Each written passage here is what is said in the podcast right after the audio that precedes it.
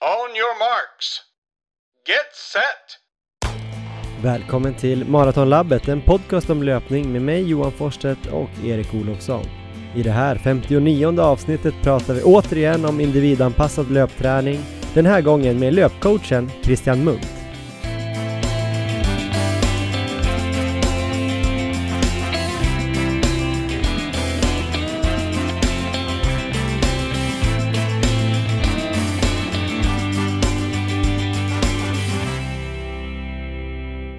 Morgon Erik Olofsson! Välkommen till det 59 avsnittet av podcasten Maratonlabbet.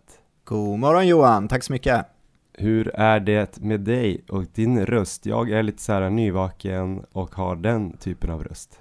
Ja, det är precis samma här. Du har ju fått upp oss, eller kanske Elmer har fått upp oss väldigt tidigt idag. Ja, det har varit lite eh, mycket administration i familjen Forsstedt Streman här på sistone. Så vi försöker hitta de luckor som finns och nu var det klockan sju. Vi hoppas att avsnittet ändå blir bra. Men innan vi drar igång med dagens avsnitt vill vi också välkomna alla lyssnare. Riktigt kul att ni lyssnar och så vill vi tacka vår sponsor Löplabbet eh, som kommer stötta oss här i höst mot eh, ja, Lidingöloppet och Valencia framförallt men eh, alla andra lopp vi också kommer springa. Mycket kul att ha er med och eh, även väldigt kul för lyssnarna tänker jag för att eh, i augusti och hela september ut så ger ju Löplabbet 20% eh, rabatt till, på sina varor till alla våra lyssnare. Det här gäller då alla löpgrejer förutom elektronik och revaror. Det är då en kod som heter MARALABBET19 med stora bokstäver. Det gäller både i butik och eh, på webben och eh, alltså 20% rabatt. Det är kul. Eller vad tycker du Erik? Ja, det, det tycker jag vi ska utnyttja. Jag tycker att alla ska utnyttja det ganska mycket, både om man gillar eh, löpprylar men också om man gillar eh, oss tänker jag. För att om många handlar där så kommer det på något sätt vara bra för oss också tänker jag att eh, det syns att ett samarbete med Maratonlabbet funkar bra. Precis Johan, och ska vi gå vidare vad som har hänt i helgen? Ja absolut. Hur känns det efter helgen? Vi har ju varit uppe i fjällen på vårat fjällläger i Vålådalen.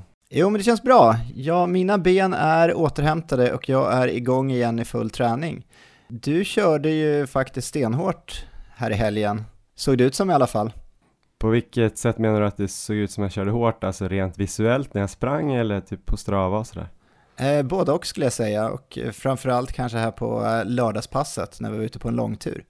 Nej men det var ju så här, bara lite kortfattat så var vi ju uppe fredag till söndag i Vålådalen med 18 deltagare och sprang fredag, lördag, söndag. Lördag var ju ett långpass där det blev 40 kilometer för mig. Eh, jag vet inte om klockan är ju inte så kanske korrekt med höjdmeter men det blev runt 1500, 14-1500 höjdmeter och ehm, ja, ett riktigt mastigt pass i sån här fjällmiljö med mycket stenar och grejer. Ehm, jag känner mig ganska pigg faktiskt hela helgen. Jag tror det beror på att vi tog ganska mycket pauser och sådär under bland annat det här långpasset då men eh, sen kanske jag börjar bli lite van med högre volym. Det var ändå 65 km på tre dagar och hade ju sprungit lite tidigare i veckan också så det känns ju positivt. Ja, precis. Vi hade ju en fantastiskt stark grupp med oss också. Vi var ju, lite, vi var ju lite oroliga på förhand där, för vi har ju en en, vad ska man säga, en skadeprocent som är väldigt hög när vi har sprungit själva upp i fjällen på ungefär 50% av deltagarna. Ja, um, så det, det hade vi ju kanske räknat med något liknande här också, men av eh, de här 20 deltagarna, inklusive oss då, som var med, så tror jag vi hade en skadeprocent som var noll, va? Kan vi säga det? Ja, jag tror nästan att vi kan säga det. Vi hade ju några lite, någon liten halvriktning men det kändes som att det var någonting som brukade hända typ och någon som var lite stel eller lite trött i fotlederna. Någon som hade problem lite med någon baksida rygg men det var ju ett problem sedan tidigare så jag, jag tror ja, det var helt eh, overkligt. Ja, mycket imponerande och eh, fantastisk stämning hela helgen. Så eh, vi funderade väl lite innan att ha det här lite som ett test kanske, se hur det kändes att hålla ett läger och så. Och eh, hur känner du nu efter Johan? Ja, verkligen inte avskräckt i alla fall. Det var riktigt kul. Som sagt, bra stämning, bra löpning. Vi hade ju tur med vädret. Det var runt 15 grader och sol eller dis, soldis hela tiden. Eh, ja, jag, jag kan nog köra igen. Vad säger du? Ja, jag håller med. Så att det kan dyka upp någonting mer i framtiden. Mm. Men innan det här lägret då Erik, eh, hur gick eh, träningen då? Hann du springa någonting eller har det hänt någonting sen, sen sist förutom lägret? Jag har fått in väldigt mycket volym och eh, mycket bra pass så att det har rullat på precis efter planen skulle jag säga. Och eh, även efter lägret nu så har jag varit igång här i två dagar och eh, kört på riktigt bra. Så att eh, allt går precis som det ska just nu, så det är riktigt kul. Jag måste bara fråga, när du nöter på med så här mycket volym, eh, fortfarande lika roligt eller? Ja. Hur tänker du när du kom ut på de här dubbelpassen och så? Ja, men det är det. Alltså, jag vet att eh, det kanske har ifrågasatts men eh, jag känner faktiskt att varje pass är riktigt roligt nu. Jag känner att allt ska ju bidra till eh, slutmålet i slutändan så att varje pass blir viktigt och ja, jag har verkligen inte haft några motivationsproblem alls. Kul! Ja. Själv då Johan, hur känns det? Ja, men det har känts eh, bra en längre tid. Det har väl känts lite som att eh, min träning kanske inte har varit lika så här um, anal höll jag på att säga. Nej men alltså riktigt så här uh, planerad som det var inför Frankfurt. För då Just kändes det. det som att jag varje vecka visste exakt vad jag skulle göra, hade planerat lite längre i förväg och sen så såg jag liksom, här är marafartsintervaller, då gör jag så många den här veckan. Nästa vecka borde jag göra någon kilometer till totalvolym, långpasset ska bli lite hårdare. Jag hade koll på pulsen och allt bara liksom steg. Jag kände att det var progression och jag kände att jag blev bättre och bättre och klarade längre och längre tid i marafart till exempel. Det var väldigt tydligt. Nu har jag tränat bra. Jag har ju haft över åtta mil egentligen hela sommaren här. I princip från mitten av juni. Uppåt 10 mil också fjällmiljö och sånt där. Så bra volym. Ja. Och jag har sprungit nästan allt kuperat och, och sådär. Så specifikt på så sätt. Men det är mer så oklart vad jag har gjort. Förstår du vad jag menar? Ja. Jag har liksom kört lite mer på känsla. Och det har gjort att jag inte riktigt vet var jag står. Ja. Men det känns ganska bra. Men sen hade jag ju ett pass, eh, jag gnällde lite där tror jag. Grät ut på Instagram, där vi heter Maratonlabbet. I eh, tisdags, alltså för en vecka sedan när vi spelade in, innan vi åkte till det här fjälllägret.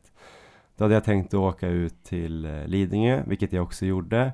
Jag kom ut på kvällen där och så skulle jag springa första 15 kilometerna i tänkt tävlingsfart som är då under 4 minuter per kilometer. Jag joggade upp, eh, kände mig ganska ändå laddad för det där passet även om det blev lite senare än jag hade tänkt. Sprang upp till starten, vilket är 3 kilometer och värmde upp, kändes fortfarande bra. Startade det där passet, kändes ganska lätt typ i 3-4 kilometer men sen bara blev jag successivt sämre och sämre och det gick ganska fort så här till att jag bara liksom, nej jag kom liksom inte upp för backarna, jag fick eh, kroppen liksom tvärdog så efter åtta kilometer, då hade jag kämpat med ganska mycket negativa tankar sista tre. Men kände att det, ingenting svarade, så jag valde faktiskt att avbryta då. Och eh, tanken först var väl att jogga två kilometer till tio och sen springa fem till i, i den här tänkta tävlingsfarten. Men eh, när jag började jogga där, lite saktare kanske i fem tempo eller då, jag kände att, typ att det var jobbigt. Så till slut så vände jag och joggade tillbaks till bilen. Så ja, det var ju ingen succé, så då kände jag väl att eh, vad är det som händer?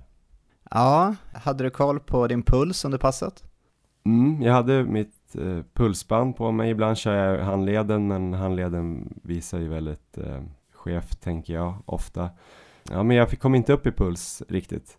Alltså, vi snackade ju något tidigare avsnitt här om hur man kunde hålla lite koll på så att man inte gick över gränsen och då snackade vi om att man skulle hålla koll på farten, känslan och eh, pulsen och se relationen däremellan. Just det. För att se om det var någonting som var konstigt. Eh, nu kändes det som att min puls låg ju alltså 10-12 slag från anaerob tröskel. Ja. Och farten låg väl, eh, ja men precis, den låg ju under, strax under fyra. Jag höll ju det de där 8 kilometerna. Men eh, känslan var ju att jag gick i princip på tröskel. Så att eh, det var väl där någonstans jag kände att ja, men det här är ju inte normalt. Så det är svårt det där att veta om man ska bryta eller inte. Men då kändes det här känns konstigt. Så då tänkte jag det är bättre att jag går av det här än att det blir ett katastrofpass. Ja, jag tycker ju att du gör helt rätt när du kliver av här. Ehm, mm. Hur hade dina förberedelser varit innan då? Var det det som kan ha påverkat? Så här sömnbrist och stress och sådana sådana aspekter? Om jag hade haft en dålig natt, eh, jag hade väl huvudansvaret för Elmer under natten och han hade väl vaknat Jag ska inte skylla på Elmer, det känns som jag hänger ut Elmer Men okej, okay, jag hade i alla fall en dålig natt Oavsett vad det berodde på så hade jag vaknat kanske fyra gånger eh, och sådär Och eh, kanske lite dåligt med, preppat med mat och så under dagen även om jag hade käkat och så ja. Så det kan väl ha suttit i Dagen innan hade jag varit ute och sprungit ett distanspass med eh, barnvagnen i Nackareservatet som blev lite tuffare än vad jag hade räknat med. Eh, sprang nästan på fem fart där. Just det. Eh, mm. En klassisk grej som jag inte borde gjort. ja, nej, men det blev lite carried away kanske. Jag hade kört styrka den dagen också. Så jag, det var kanske inte, det är inget jag hade gjort dagen innan ett lopp så att säga. Ja. Men ändå så trodde jag att jag skulle kanske flyta igenom de där 15 hyfsat lätt. För de första 15 är ju också de lättaste på loppet kan man väl säga. Ja, men du har ju tränat på bra innan. Jag tror inte det är någonting att oroa sig över, utan det är kontinuiteten som kommer göra dig bättre här i det långa loppet. Ett så specifikt pass tror inte jag gör någon skillnad alls egentligen. Um, formen kommer ju gå lite upp och ner också när vi kör så mycket som vi gör just nu. Så uh, det är nog bara om något sånt där händer att kliva av det passet, försöka få lite extra återhämtning och sen bara hoppas att det känns bättre nästa kvalitetspass istället. Mm. Hur tänker du kring just det här hoppa av ett pass då, lite kort? Eh, jag tänker att jag tror både du och jag är överens nu när vi vet lite mer om vad som krävs för att bli bra på att springa och det är att springa som du säger vecka ut och vecka in ganska bra volym och då måste man kanske avbryta vid skadekänningar. Det tror ja. jag vi är rätt överens om, att man känner något konstigt i kroppen. Speciellt om man inte haft det förut och inte vet vad det kan vara. Då kanske man bara bör avbryta direkt. Ehm, men just det här då när det är liksom att man inte riktigt eh, kommer upp i nivå så här, Man får heller inte liksom, vissa pass är ju jobbiga så att säga. Ja. Då kan man ju inte bara säga, nej men det här känns jobbigt, det känns lite jobbigare än jag hade tänkt så här. Då kan man ju inte hålla på att avbryta hela tiden heller. Men är det just den där eh, relationen där, att det var något märkligt som gör att du tyckte att det var okej? Okay? Ja, nej, men som du beskriver det så tycker jag det är helt rätt att eh, kliva av och eh, alltså det är ett jättebra tips tycker jag att skatta ansträngning. Jag brukar ju skriva in framförallt mina kvalitetspass Borgskalan in på Strava. Eh, så då får man ju väldigt liksom klar känsla mellan puls och ansträngningsgrad så här. Och eh, ja, som du beskriver det här passet så gissar jag att Borg, du, du skulle hamna ganska högt på Borgskalan och då tycker jag det är helt jag tycker inte det är någon eh, bra idé alls att liksom köra på ett helt sånt pass hela vägen ut, för då, då kommer du ju säkert eh, få betala för det under resterande vecka också, kanske nästa kvalitetspass till och med. Jag tror rent så här psykologiskt att man, om man nu skulle tänka så att man kanske viker ner sig och sådär så jag tror inte det är eh, något problem alls egentligen för de allra flesta, utan har man en mycket, mycket sämre dag bara där det skiljer mycket från hur det normalt ska vara så, så är det något som inte stämmer och då tycker jag verkligen att, eh, precis som vid skador, att man ska, ska kliva av. Hur känner du själv? Nej, men jag är nog eh, inne på samma spår. Jag tror det var det första passet också som jag har klivit av här i år så att eh, jag menar det är inte, händer inte så himla ofta och det var ett pass jag borde ha klarat av så det var inte sådär att ibland kan man ju veta att det här kommer bli sjukt jobbigt. Det här skulle ju bli jobbigt. Ja. Eh, I överkant kanske på jobbet men ändå inte så här sinnessjukt tänkte jag. I alla fall inte innan första tio för det visste jag att jag gjort tidigare i, i eh, den farten. Nej men jag tror att det låter som en, ett klokt råd. Det finns många fler pass eh, att springa framöver så att säga. Och jag tycker att jag kände mig, jag hämtade mig bra faktiskt där och hade en bra helg här. Så vi får se framöver här hur det känns. Ja, verkligen. Det märktes ju tydligt här i helgen redan att du var tillbaka i normalt slag. Men nog om det, vi tänkte att vi skulle gå vidare och vi har väl en liten uppföljare på förra veckans avsnitt där vi pratade individanpassning av träningen. Vi hade en intervju med Mikael Mattsson. Sen satt vi och nördade om muskelfibrer och eh, vad muskelfibertyp kanske kan eh, påverka på hur man ska lägga upp träningen. Eh, idag har vi en intervju med en eh, aktiv coach, Christian Munt, som tränar många duktiga maratonlöpare, bland annat Johanna Bäcklund som ju ska springa VM här snart på maraton i Qatar. Eh, tränar även Kristoffer Lås, Martin Öhman, vilka mer? Johanna Eriksson, Carolina Almqvist. Ja, väldigt mycket duktiga löpare. Marcus Åberg. Um, vi tänkte vi skulle prata lite med honom om uh, det här med individanpassning och hur han tänker när han lägger upp uh, scheman för sina löpare. Så här kommer Christian Munt. On your marks. Get set! Yes, välkommen återigen till Maratonlabbet, Christian Munt. Tack så jättemycket. Kul att vara här. Ja, väldigt intressant. Du har precis eh, övervakat träning med Johanna Bäcklund här inför VM. Såg det bra ut? Ja, men det såg väldigt bra ut. Vi var på Enskede och körde tre gånger tre kilometer, tre gånger en kilometer och sen åtta 500 Så fick man lite sparring av eh, Malin, Malin Starfelt också. Så att, eh, men det såg riktigt bra ut. Det var nog bästa passet sen, eh, sen innan Stockholm Marathon. Så att, eh, det känns väldigt bra. Spännande. Eh, vi får se om vi kommer in på Johanna Bäcklund här i intervjun eller om eh, vi bara pratar mer generellt. Men vi pratade ju i förra avsnittet om vikten här av att individanpassa träningen för att få mm. kanske bästa möjliga effekt på den tid man lägger ner. Hur ser du på liksom, begreppet individualisering? Nej men eh, absolut tror jag att det är viktigt. Alla har olika förutsättningar och, och då behöver man styra träningen för att hitta liksom, rätt balans. Eh, och då får man liksom se lite, alla har ju sina olika styrkor och, och förbättringsområden. Så att, så, att, eh, så att så mycket individanpassning som möjligt är ju bra. Det kan vara allt ifrån från det fysiska eller hur liksom livssituationen ser ut eller alltså, ja, det, det, är många, många delar som styr träningen. Så att, eh, sen behöver det inte betyda att man inte kan träna tillsammans utan, utan snarare att det, att helheten kommer att skilja mer. Mm. Men jag tänker hur viktigt är det? För vi pratade lite med Mikael Mattsson först och det kändes ju som att eh, han var mycket inne på kanske att individualisera, att man kanske ser vad man gör runt om löpningen. Om man nu är mer mm. amatörlöpare, att man kanske anpassar efter jobb eller familj eller, eller att man sover ja. mer eller det man gör på sidan av kanske är viktigare än exakt vilka muskelfibrer man har som jag och Erik nördar in oss i efteråt. Eh, vilka är de här viktigaste faktorerna tycker du? Utifrån det ja. du vet om dem du tränar. Lite så här, ju bättre du är desto, desto mer behöver du anpassa träningen och, och eh, är du motionär så, så är det, blir du bättre av att träna mer men, men också att vara noga kring, kring delarna som påverkar, alltså sömn, kost, återhämtning, liksom, hur, hur ser vardagen ut? Att bara tänka sig att nu ska den här sortens träning är bättre för mig för att jag är den här fibertypen eller att, äh, att nu ska jag träna så här många mer mil i veckan. Men, men så, så slarvar man med, med liksom de här grejerna som faktiskt påverkar hur du tar åt dig träningen.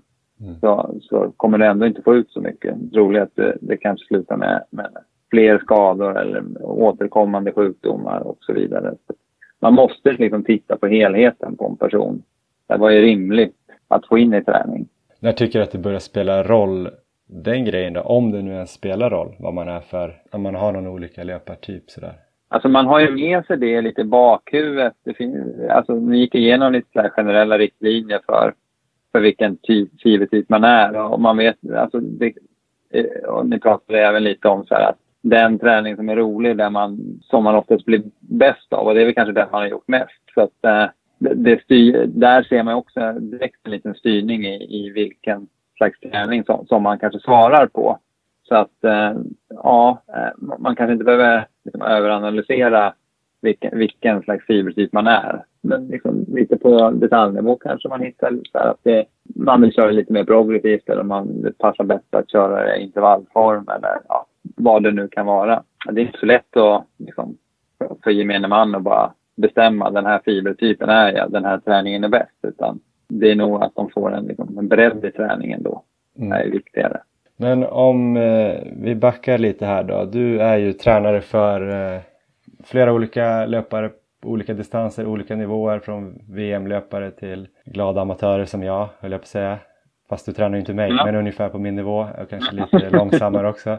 Om du får en ny adept då, som du ska börja jobba med, vad kollar du på? Vilka faktorer är viktiga för dig att ta reda på för att lägga upp ett bra program? Jag brukar börja så här, ja, men mest det. Vad har de gjort? Har de tävlat? Vad har de för personbästa för att göra liksom, korrelation mellan dem. Eh, det kan jag säga lite om löparen också, vilken typ. Och eh, titta gärna lite hur, hur träningen sett ut. Eh, antingen om de kanske har någon träningsdagbok eller om de liksom får bara skriva ner lite enkelt hur, hur veckor brukar se ut och vilka farter man använder och så vidare. Och sen är det så här, vad har de för målsättning och eh, tid till träning eh, kontra hur ser deras livssituation ut med, med familj, jobb, plugg eller vad det nu kan vara. Så, så där någonstans börjar Och sen får man liksom sätta ett program och, och vara kanske mer lyhörd i början och flexibel. Eh, det ska man väl alltid vara, men, men liksom, vara beredd på att ändra och testa ett pass. Där. Okej, men vi, vi börjar här och ser hur det funkar. Eh, och så får man ta beslut efter det om man vill justera någonting. Ja, någonstans där börjar jag. Mm. Och den här volymen som man också pratar mycket med om då, att man blir bättre ju mm. mer man springer. Hur, ja. eh, hur ska man sätta den tänker du? Dels hur tänker du och ja, vad borde man göra när man försöker öka volymen? Vad avgör? Ja men precis, man har väl sett att eh, volym ofta korrelerar med, med, med, bra utveckling. Jag försöker väl se lite vad de har gjort tidigare och så då får man bedöma eh, liksom, vad, vad, har de för tid till träning? Hur mycket volym kan vi få in om vi vill öka den? Oftast där någonstans brukar volymen i slutändan hamna ganska bra. Och eh, sen får man bedöma lite så här, men vad vill vi att innehållet i träningen ska vara? Så att det blir en balans mellan oss. Ska vi öka volymen eller vill vi ha lite mer intensivt? Det går liksom inte att göra allt samtidigt. Så får man, får man försöka liksom ta ett beslut vad, vad man tycker är viktigt. Och, och, ja, kanske, många kanske man kan liksom putta upp volymen lite och bredda, liksom, utnyttja lite större delar av fartspannet. Och, där. det beror helt på vilken nivå löparen är på också. Mm. Men om man tänker att du får in, säg att du har två adepter som båda har bestämt att de vill springa maraton på ungefär samma tid. För det är enkelt för dig såklart på ett sätt om du får in en väldigt snabb löpare som inte är så uttalad. Mm. Du skulle ju också kunna styra dem att börja tävla på 5 och 10 000 istället för maraton. Det är ju en väg att gå, att övertyga dem om det. Men om du ska träna upp den personen till maraton och den personen mm. är fast twitch och sen har du en som är mer slow twitch. Skulle du lägga upp träningen olika för dem och på vilka sätt? Ja, om man, man har det så tydligt liksom. Och så är det träningsbakgrunden som avgör hur, hur man kan gå vidare snarare än att man tittar liksom specifikt på är det här en, med, med en, en, löpare med snabbare fibrer eller långsammare fibrer. Oftast tycker jag att man, man hamnar i att det, det, är svårt att avgöra i viss mån. Men om man har tydliga skillnader, de har hyfsat liksom, ja, men, eh, samma förutsättningar för att eh, eh, lägga ner träning så, så ja, träningen skulle nog se olika ut. Vi vet väl lite att en, en eh, då fast twitch eh, klarar kanske lite mer moderat volym men behöver, om de ska springa maraton, öka volymen på sikt och man kanske får stegra lite långsammare. Och har den en bra tränat liksom och kommer från underdistanser så vet vi att den troligtvis har ganska högt syreupptag. För att bli av på maraton så behöver vi göra dem lite mer energieffektiva och liksom inte, inte låta den använda liksom glykogen så mycket utan vi vill spara energi. Så att får man jobba kanske lite mer på uthållighetsbitarna. Liksom farter som är lite långsam maratonfart upp till liksom, tröskel och liksom, jobba med, med, med, träningen där. Har vi en slow twitch så, så kanske de har sin maratonfart ganska nära sin anaeroba tröskel. Ganska litet spann. Långpass eller distanspass går lätt ganska snabbt. Men man har däremot svårt att, att få ut fart i passen. Det händer liksom ingenting. Så, och där vet vi att ja, de klarar hög volym och de kan träna ganska mycket kring anaerob tröskel för att det är liksom bekvämt för dem.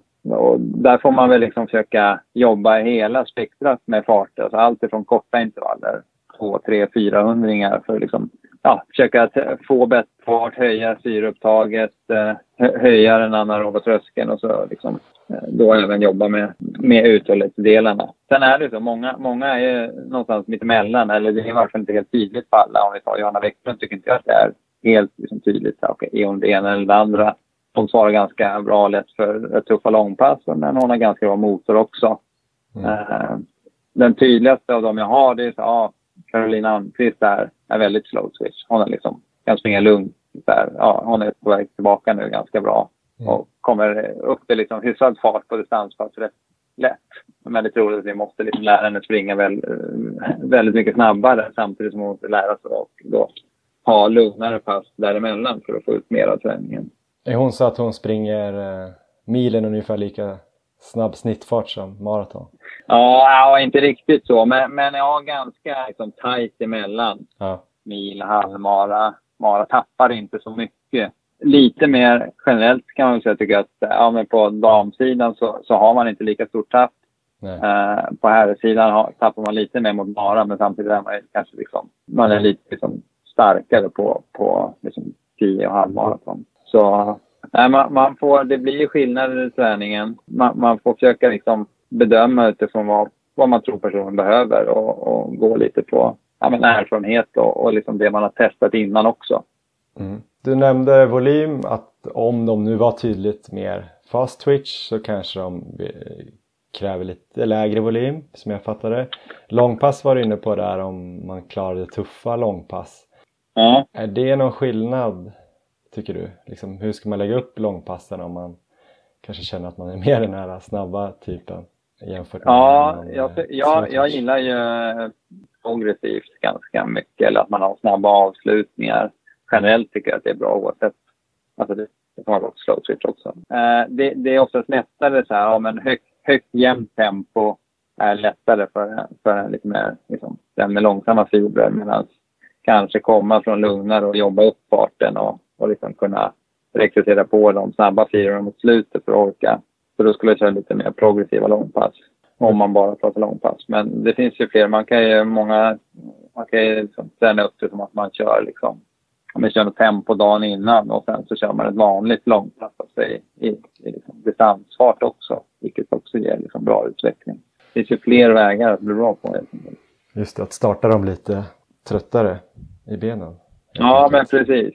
En sak som jag tycker är lite intressant är med att man flyttar sin anaeroba tröskel eller nyttjandegraden eller vad man nu vill kalla det lite grann ehm, mm. närmare sitt max. Då, som motionär kommer man ju ofta i kontakt först med de här 1000 meters intervallerna strax mm. över milfart då, om man springer milen mellan 40 och 60 då, lite långsammare milfart och så ligger man en minuts vila, brukar vara lite standard. Eh, eller också tempon kanske, att man springer 5 km i tröskel strax under, eller långsammare än milfart.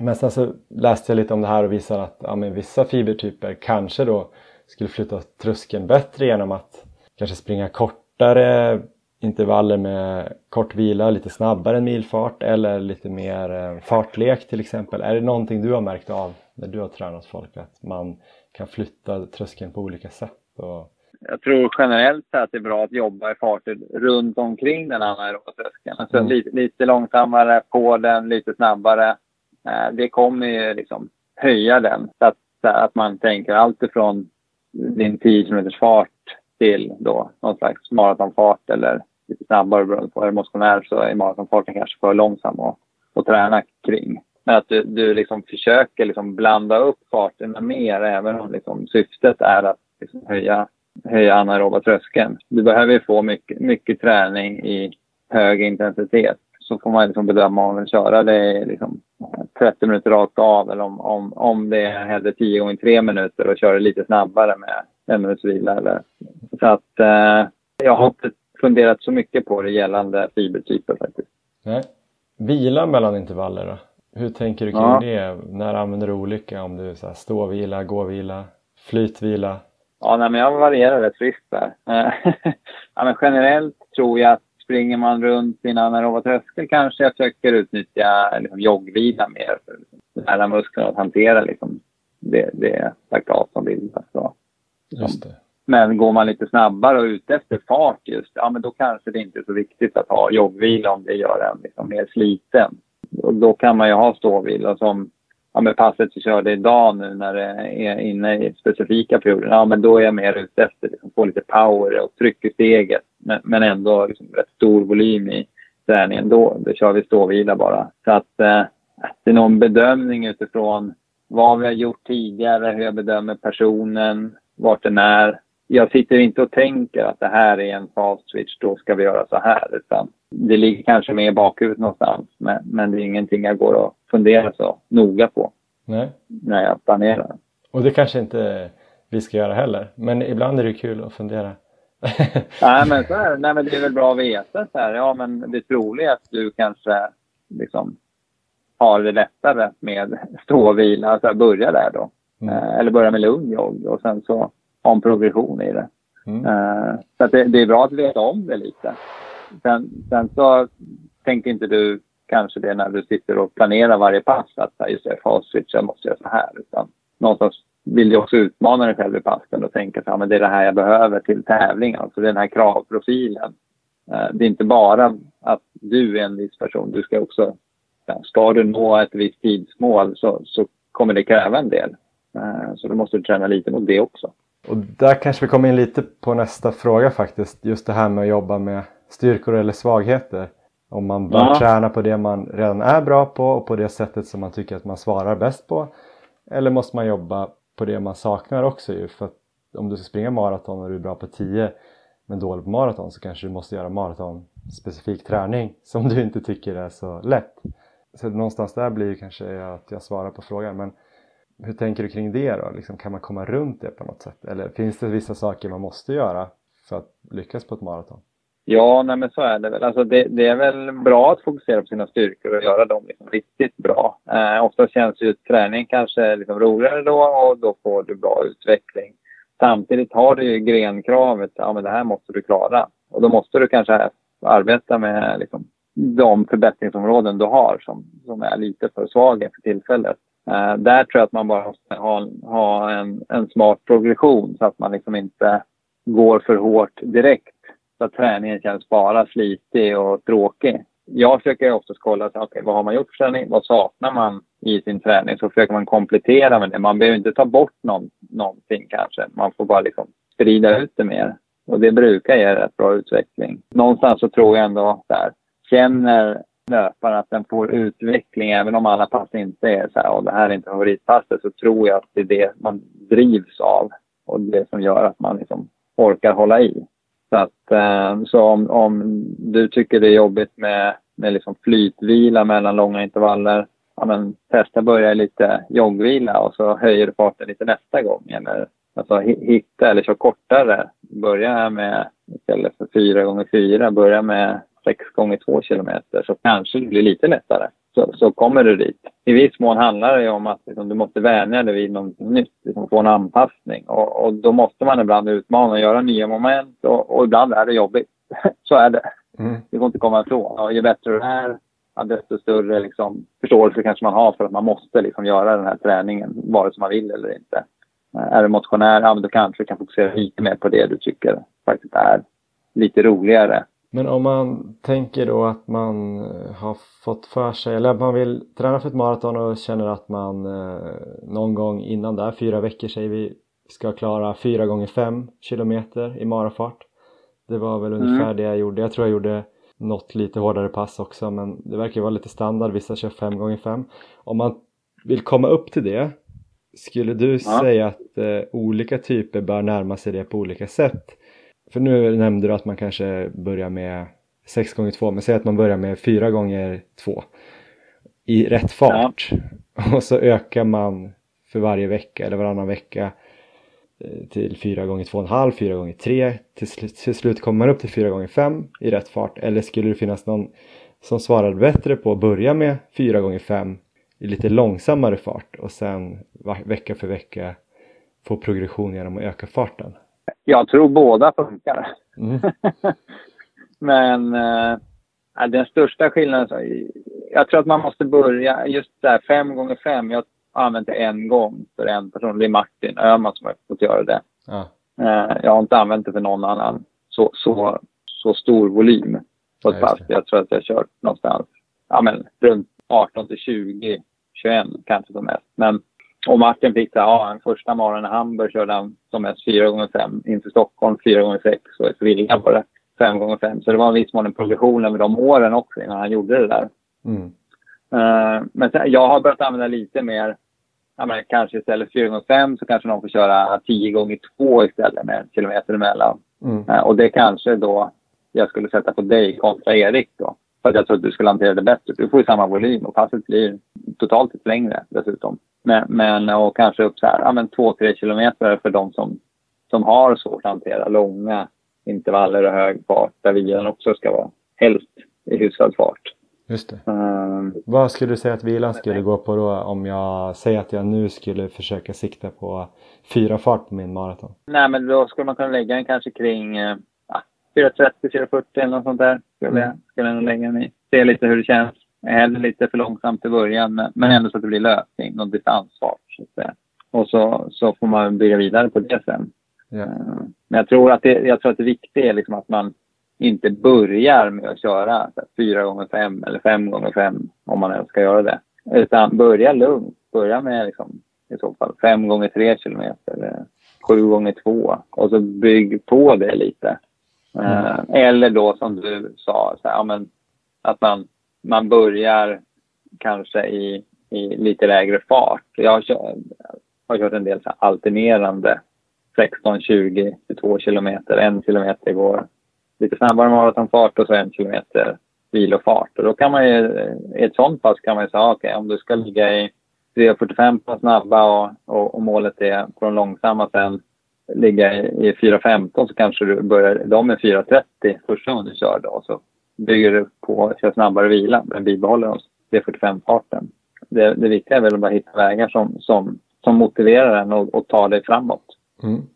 Vi har tidigare pratat med dig i podden och eh, fått höra lite kring din maratonfilosofi och specifika mm. perioden handlar ju mycket för dig om, eh, som vi har uppfattat i alla fall då, men eh, att det kanske är de här marafartsintervallerna med upp mot 20 kilometer då kanske i, i total volym i marafart och sen långpass då kanske upp mot 35 till och med 40 kilometer i något långsammare än marafart är det någonting i det upplägget som du, alltså är det något som skulle få dig att ändra det upplägget för en specifik löpare? Och vad i sådana fall? Ja men precis, ja, eh, lite så är min filosofi. Eh, alltså, precis som inför ett 10 springer du kanske gärna uppåt 10 tusingar i, i tävlingsfart. Och, och, på samma sätt tror jag att man måste träna maraton specifikt. I vilken grad det beror på. Vilken nivå löparen är på. Vad har den för träningsbakgrund? vad har den hunnit med i träningen också fram till den specifika fasen. Och då får man ju liksom, eh, jag tror att det är viktigt som vi pratade innan då, att bygga en, en progression i träningen. Gör det för tufft för långt innan, ja, då kommer du bränna dig eh, eller risk för att du bränner dig både lite mentalt och fysiskt och dessutom svårt att få en progression in mot loppet. Generellt, jag kör liksom långpass varierar jag. En del har mer lugna än, än andra och sen kan det vara liksom fartökningar på dem och, och vissa som har kommit lite längre får, får lite tuffare rakt igenom. Man, man får helt enkelt liksom variera träningen utifrån liksom den personen jag har framför mig beroende på lite vad den långsiktiga planen är och den nivå man har. Klarar man inte ett där 30 kilometer hög fart, ja, men då kanske man kan köra 90 minuter och sen avslutar man med lite intervaller i maratonfart för att liksom få, eh, liksom stressa systemen lite. Mm. Var det svar på frågan eller var det något helt annat? jag tror det var något typ av svar i alla fall. Jag tyckte det var bra. Jag har en sista grej här som jag kom på nu. Eh, pratade lite om att eh, se helheten och jobba i olika farter. Att göra mm. liksom, löparna mer komplett och variera för att få en progression. Vilka olika, om du tänker de som lyssnar på det här kanske kör liksom mycket tröskel och så lite snabbare och så långpass eller hur många olika sådana här faktorer finns det eller liksom kvaliteter som man måste jobba på tänker du och vilka är de? Om man tänker sig att det är aerob uthållighet, anaerob fart, alltså förstår du vad jag menar?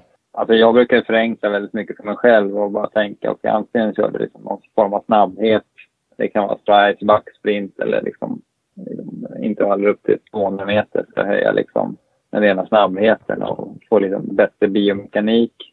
Mm. Sen tänker jag mig att jag jobbar med motor och det är liksom för maraton så, så, så är det farter kring 10 och, och halvmaratonfart eller 10 och tröskel. Och eh, sen har du där i mitten ja, specifik träning. Och sen eh, på uthållighetssidan så är det väl liksom det blir ganska stort spann. Alltså antingen lite mer grunduthållighet som, som kanske handlar mer om att bara vänja sig vid att vara ute och springa. Den mm. behöver ju alla liksom. Det är ingen som kommer köra ett tufft långpass om man inte har gått igenom flera liksom lugna långpass innan. Uh, och, och, sen så liksom någon slags aerob uthållighet som kanske är lite, lite högre farter och uh, där man kan börja baka in lite, lite liksom, tempon nära eller omkring maratonfart. Så att, uh, ja, jag försöker lite, lite utifrån de jobben. Och sen då, ja men kanske också löpstyrkeuthållighet, att man liksom lär sig att liksom rekrytera liksom fibrerna. Uh, att uh, har du svårt på slutet av ett maratonlopp så, så kanske du behöver jobba med, med liksom din löpstyrkeuthållighet, till exempel då kontinuerlig backe mm. uh, som, som ger liksom, men du, du måste liksom använda en större rekrytering när, när du springer, vilket gör att du blir, blir uthålligare. Så de kategorierna försöker jag själv försöker göra så enkelt som möjligt. Annars räknar jag mycket procent. procent av marafart eller? Ja, och det funkar ju för dem som är liksom springer i fyra farter lite snabbare i princip. Men sen får man göra någon slags bedömning. Men slutsatsen här då blir att det är svårt att veta veta om det är ens fibertyp som gör att man är dålig på en viss, eh, ett visst moment. Det kan lika gärna vara att man aldrig har gjort det så ofta. Bakgrunden. Och det kanske inte nej. är jätteviktigt för alla amatörer att gå och köpa en sån här eh, muskelbiopsi imorgon. Nej, det, det, nej, det känns onödigt. Det tycker jag inte vi ska rekommendera. uh, nej, men det handlar väl liksom egentligen bara, okej, okay, se över se över så här, okej, okay, kan jag lägga in mer träning? Vad krävs det av mig då? Uh, okej, okay, kan jag få i mig tillräckligt med energi? Uh, får jag tillräckligt med sömn? Och så vidare. Mm. Och vad ska jag göra? Ja, det, det behöver liksom, får du upp volymen är det bra. Kan du liksom förbättra din motor, alltså din anaeroba tröskel eller ditt syreupptag? Uh, kommer det i effekt? Och sen då ska du liksom springa maraton så är det bra att få in pass som stärker liksom ja, men både det mentala och liksom att man har varit liksom lite i närheten av det man ska göra. Mm. Så det, det är väl någon slutsats av det hela. Suveränt Christian! Stort tack för att du ville vara med och prata lite. Ja, men tack själv. Ja, det där var alltså Christian Munt om individanpassning. Erik, eh, vad känner du efter att ha hört den intervjun och eh, kring hela det här ämnet kanske? Individualisering. Ja, vi kan väl eh, citera Christian Munt där, att det finns fler vägar att bli bra på. Um, mm. Så det gäller ju bara att hitta rätt väg för oss att bli bra på, och för alla mm. andra. Och det är ju ganska komplicerat, inser man ju när man verkligen liksom nördar ner sig och eh, tänker på de här bitarna. Det kändes som att han var likt Mikael Mattsson, han visste om det här med muskelfibertyper, hade det i bakhuvudet, men kanske inte la upp det pass för passar exakt efter det men kunde kanske korrigera passen lite grann och ha, ja, men som sagt, ha lite koll på det. Just att det viktigaste kanske var att träna lite mer och anpassa efter livet i övrigt och sådär och var man kommer ifrån. Hur tänker du eh, kring det? Um, jo men precis, men det är ju som vi har pratat mycket om nu i sista avsnitten här, att uh, sätta alla andra bitar först.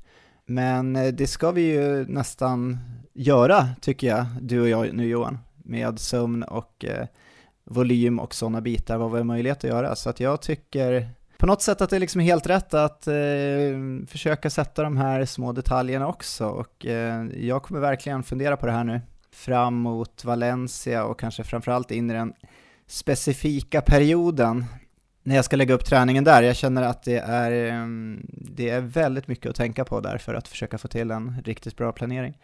Ja men en grej som man ändå pratade om som jag också kanske ska ta fasta på om jag har tränat till maraton eller oavsett vad jag tränar till men just det här med, han var ju ändå inne där lite grann på att till exempel du och jag eventuellt skulle kunna lägga upp våra marafartsintervaller olika.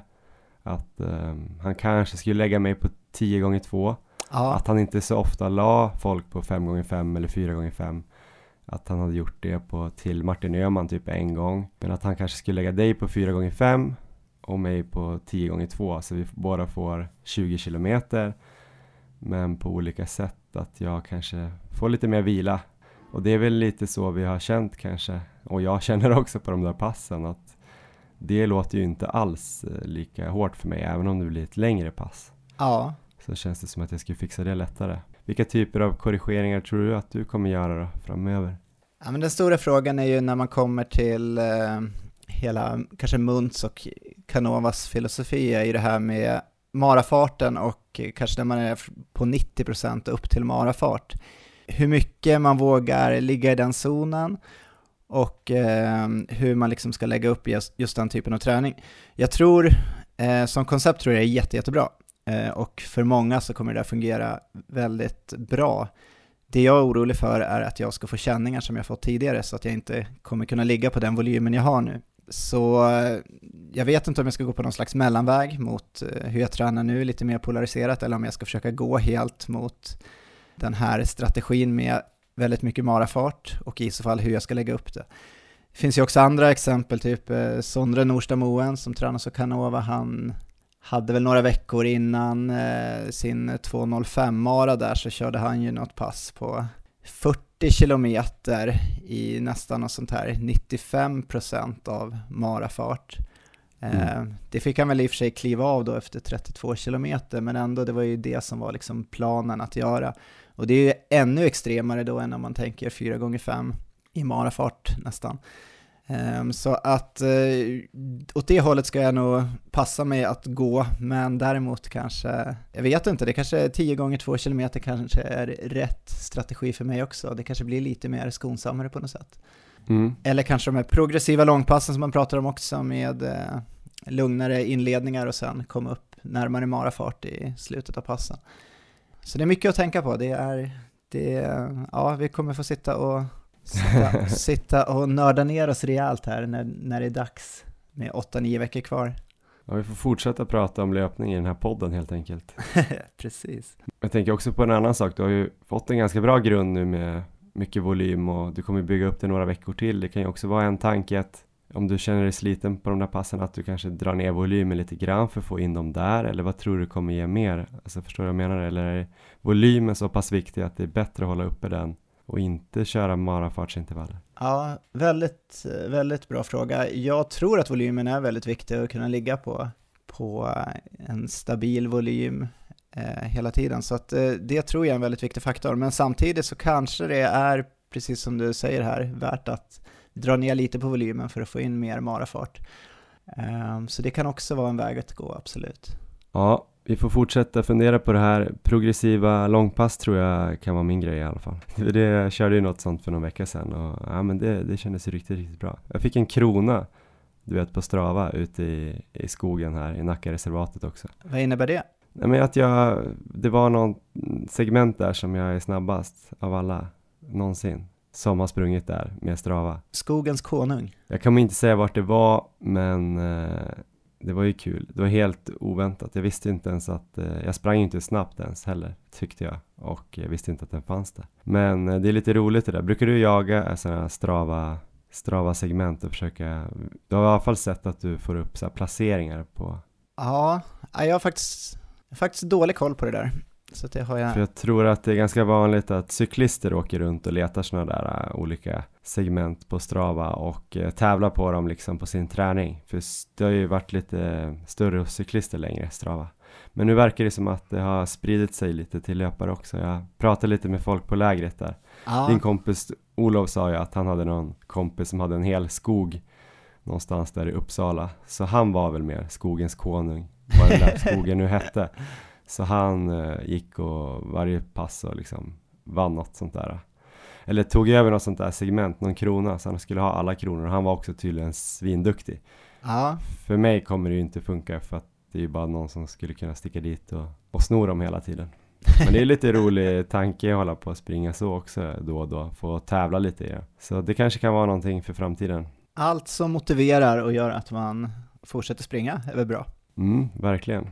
Framöver här då Erik, ska du fortsätta springa och kommer du försöka ta några kronor? Um, får se om det kommer några kronor, men jag kommer definitivt springa. Jag har ju, när det här släpps, um, så har jag en vecka till lopp ungefär. Just det. Uh, jag har ju, den här veckan nu då kommer vara uh, väldigt mycket pass. Väldigt mycket löpning. Och eh, sen så sista veckan då inför Stockholm halvmaraton så kommer jag nog fortsätta att träna tror jag som vanligt. Eh, jag kanske tar en lugnare dag innan Stockholm halvmaraton känner jag, men, eh, men jag kommer jag kommer nog inte dra, dra ner och liksom köra någon riktig formtoppning utan jag kommer bara lägga in det som ett kvalitetspass känner jag och sen så mm. hoppas att det fungerar bra. Jag har en liten fundering där Johan, det var ju när du sprang inför Kungsholmen där, halvmara, så kommer jag ihåg att ja. du hade något så här specifikt eh, pass inför där, om det var två veckor inför eller när du la det, när du hade Sprang i lite olika farter, halvmarafart bland annat, började med en 3 km tror jag. Um, kommer du ihåg det passet och när lade du det passet? Ja men det var ett pass jag körde sista april faktiskt, innan där nå valborgs eh, eldandet. Men eh, det var 11 dagar innan Kungsholmen runt. Jag körde 3 km i halvmarafart, en minuts vila, 2 km i halvmarafart minus 5 sekunder, så någonstans på tröskel kanske för mig. Ja. En minuts vila, så 2 km till i halvmarafart minus 5. Och sen så körde jag 3 gånger 1 km i eh, då skulle jag ligga i 10 sekunder snabbare än halvmarafart och fortfarande en minuts gåvila mellan där då. Just det. Så runt 3.35. Så jag började på 3.44 tror jag och gick ner till eh, ja, 3.35. Jag tror jag kom ner mot 3.30 där nästan, för jag ja. var i så himla bra form då. Eh, jäkligt kul pass. Ja, 10 kilometer totalt då, kan man säga, om man räknar bort vilan och uppvärmning och så vidare. Ja, precis. 10 kilometer i höga farter, halvmarafart eller snabbare. Så uh, det var väl liksom ungefär, um, ja men det var perfekt. Det var riktigt bra genomkörare och självförtroendehöjande pass eftersom jag låg riktigt bra i, i planeringen där och, och kände att kroppen svarade. Ja, vad tror du om att lägga in det för mig åtta dagar innan? Jag tänkte köra det passet på fredag. Um, bara för att få någon slags uh, svar på hur jag ligger till. Det tror jag absolut kan funka. Jag tror att någonstans mellan ja, 8 och 12 dagar innan Ja. Skulle man nog kunna lägga det, absolut. Ja, men då kör jag på det. Och eh, dina planer Johan framöver? Ja, men jag ska ju också springa Stockholm halvmaraton eh, den 7 september. Jag kommer springa det som en inofficiell hare har jag tänkt Aha. i fyra fart. Det vore kul att dra sitt strå till den här harstacken. Nej men att hjälpa folk till sina mål. Så ja. om jag hittar lite folk som är sugna på att göra sub eh, en 24 eller i alla fall eh, ja, men under fyra fart på halvmaran. Vi säger sub en 24 så ja. får man ju eh, så får man hänga på där om man vill. Då får man leta upp mig där i någon startfålla. Vi kan väl skriva på Instagram vart jag kommer stå och sådär.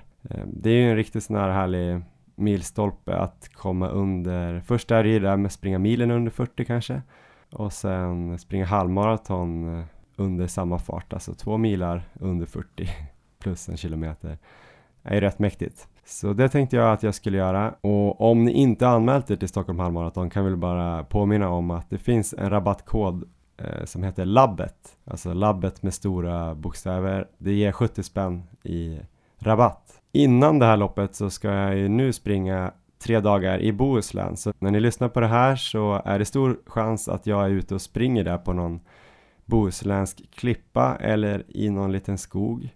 Ehm, det ska bli väldigt fantastiskt. Det är eh, West Coast Trail, ett lopp som arrangeras av Icebug. Det är alltså tre dagar, det är 75 kilometer totalt, så jag tror det är 22 på fredagen, 29 på lördagen och så ja, det som blir över på söndagen. Ja. Eh, det ska bli riktigt kul, jag tror det kan passa mig. Det är väl kuperat ungefär som Lidingöloppet eller lite lite mer totala höjdmeter per dag.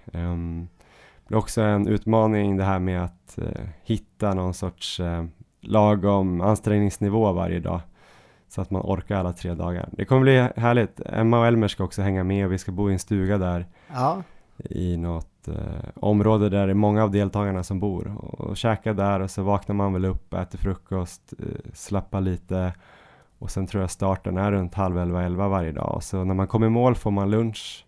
Eh, och sen kan man nog åka och bada om det är bra väder eller hänga runt där och sen middag och sen bara på igen. Så det känns som en eh, fantastiskt härlig helg jag har framför mig. Verkligen. Så vi får se vad mina ambitioner blir där då. Men eh, jag kommer ta det där som en riktigt bra genomkörare och hoppas att jag inte kör slut på mig första dagen. Även om jag just nu är sjukt sugen på att göra det. är du kapabel Johan att springa ett sånt där lopp, framförallt tre dagar och liksom inte riktigt gå på max? Jag vet faktiskt inte. Jag, ehm, jag vet inte. Jag tror jag måste komma fram till det svaret här nu inom, in, inom de närmsta två dygnen. Om ja. jag kan det. Men jag är lite så här, um, nej jag vet inte. För jag tänker att eh, totalen tänker jag ändå att kan bli mitt max. Alltså att jag efter de tre dagarna ändå har gått inför och hamnat högt upp i resultatlistan. Men om jag går liksom max första fem kilometerna första dagen och sen, då tror jag det kommer bli en jobbig helg. Det är nog härligare att köra lite progressivt även här. Att liksom, ja men börja lite mer som att det här kommer bli en eh, härlig tävling, tre dagar. Känna lite på tempot i början, eh, se lite natur, känna på banan, kolla lite vad det är för motstånd. Och så öka under den dagen och sen öka genom hela helgen. Har du några tips? Ja men det låter ju riktigt hårt tycker jag, tre dagar och med de distanserna i kuperad terräng, så jag är lite orolig att om det går för hårt och eh, kommer bli väldigt sliten efteråt. Det kommer ju viktiga mål framöver också, så att eh, det kan vara, eh, tipset skulle väl vara att dag ett i alla fall gå ut lite lugnare och se till att vara stark där sista biten. Ehm, så kan du ju sen ta det därifrån, hur formen är och hur det känns och sådär, men ehm, det är ju dumt att kanske vägga på någon av distanserna med tanke på vad som kommer framöver. Ja men verkligen. Jag tror jag fick en liten ögonöppnare också nu när vi var i fjällen och så sprang vi ju, jag tror jag sprang 65 kilometer på tre dagar och långt ifrån max. Um, och det var ju ändå ganska, man var rätt sliten både mentalt och fysiskt när man åkte hem ändå för, efter en sån helg. Så 75 på max, mm, det blir något att bita i. Så vi kanske får play it safe och vara smart. Men uh, jag vet inte, jag är så jäkla taggad. det låter kul.